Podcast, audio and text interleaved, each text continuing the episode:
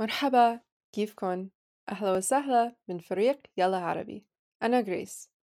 عادة بقدم البداية البودكاست بالإنجليزي لأنه نحن لما عملنا البودكاست استهدفنا الأشخاص يلي عم يتعلموا العربي وهن غير ناطقين باللغة. بس البودكاست هو بالعربي مش بالإنجليزي. المقدمة بس عم بتكون بالإنجليزي. أنا عم بحكي الإنجليزي بالمقدمة لحدا يمكن ما بيعرف العربي مية بالمية لحتى خلال دقيقة واحدة بيعرف عن الشخص بالحلقة بشكل مختصر فخلينا نبلش Hi and welcome back to today's episode of Learn Arabic with Transit Station محطة عبور by Yalla Arabi. Yalla Arabi is an educational project and Arabic academy started by an Arabic teacher and an Arabic student. We created an original curriculum for learning Levantine Arabic for all levels, from zero to advanced. And we also offer other dialects and Fusha. So please don't hesitate to reach out to us if you're interested in taking classes. We are always welcoming new students from around the world to take classes online and in person at our locations in Beirut, Damascus, Cairo, Amman, Dubai, Berlin, and in the United States. More information about classes can be found on our website. We're not just about the textbooks, though. As part of our educational project, we are also constantly working on creating materials, such as this podcast, for learners outside the classroom. Each and every episode of this podcast comes with a free PDF transcript and translation. These can also be found on our website, yellaarabi.com. So, thank you for listening to this podcast it really means so much to us and encourages us to keep going. So if you would like to join classes or support us through Patreon, you can find all of those links along with the link to the transcript of this podcast in the description. Samih al Qasim, one of the most important contemporary Arab and Palestinian poets. Al Qasim expressed in his poetry the struggle and suffering of the Palestinians. He was imprisoned more than once, placed under house arrest, and fired from his job several times because of his poetic and political activity, and faced more than one death threat at home and abroad. He was the head of several prominent newspapers and the recipient of many international appreciation awards. Samir will now speak about his life in detail.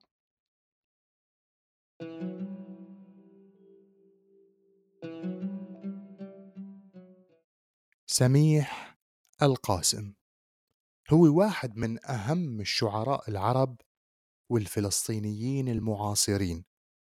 ارتبط اسمه بشعر الثورة والمقاومة من داخل أراضي ال 48 ولد القاسم بعيلة فلسطينية بمدينة الزرقاء الأردنية ب 11 أيار 1939 اشتغل بيو كضابط بكتيبة حدود شرق الأردن بهداك الوقت.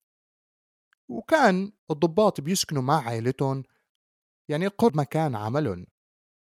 وبعدها رجعت عائلته لمدينة راما بفلسطين سنة 1941 نشأ ضمن أسرة درزية وتعلم بمدارس الراما والناصرة. رفضت عائلته مغادرة المدينة بعد النكبة. كان سميح القاسم من أكبر المعارضين للقمع والعنصرية واعتبروا الكثير من النقاد شاعر العروبي الأول بالعصر الحديث. كان القاسم بيعبر بشعره عن كفاح ومعاناة الفلسطينيين. تميز عبر مسيرته الأدبية بغزارة إنتاجه وكتب ست مجموعات شعرية. حازت على شهرة واسعة بالعالم العربي. للشاعر سميح القاسم أكثر من ستين كتاب بمجالات الشعر والقصة والمسرح.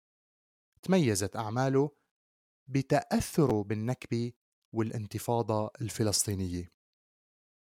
اشتغل بمهنة التدريس فترة من الزمن وبعدها انصرف لمزاولة النشاط السياسي بالحزب الشيوعي.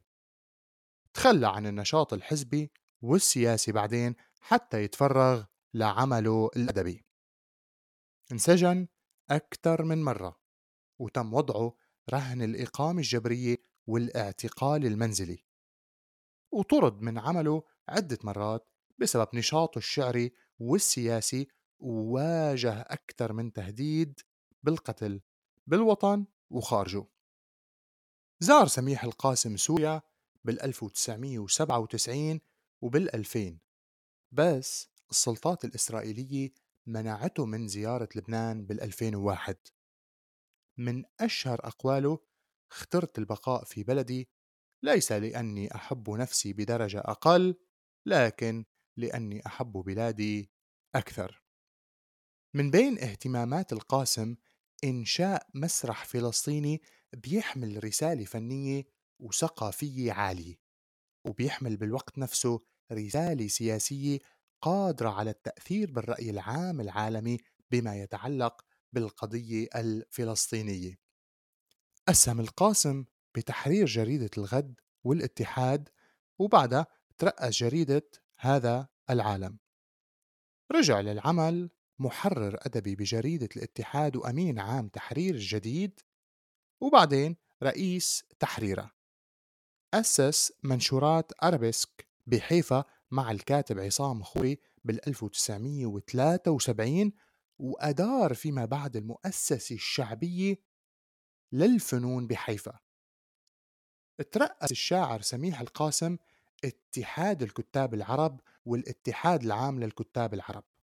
الفلسطيني بفلسطين من بداية تأسيسها كان كمان رئيس التحرير الفخري لصحيفة كل العرب اللي كانت تصدر بالناصرة. ترجم عدد كبير من قصائده للإنجليزية وللفرنسية والتركية والروسية والألمانية والإسبانية وغيرها من اللغات الشرقية. حصل الشاعر سميح القاسم على العديد من الجوائز والدروع وشهادات التقدير وعضوية الشرف من عدة مؤسسات. ونال جائزة غار الشعر من إسبانيا وحصل على جائزتين من فرنسا عن مختاراته اللي ترجمها للفرنسية الشاعر والكاتب المغربي عبد اللطيف اللعبي.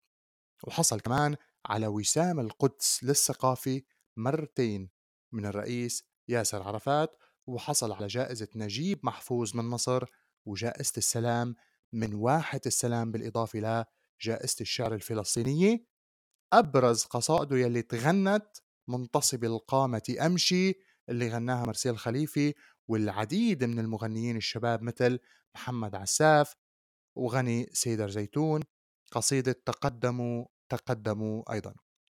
توفى سميح القاسم ب 19 آب عام 2014 بعد صراع مرير مع السرطان اللي استمر لعدة سنوات عن عمر ناهز ال 75 عام بصفد thank you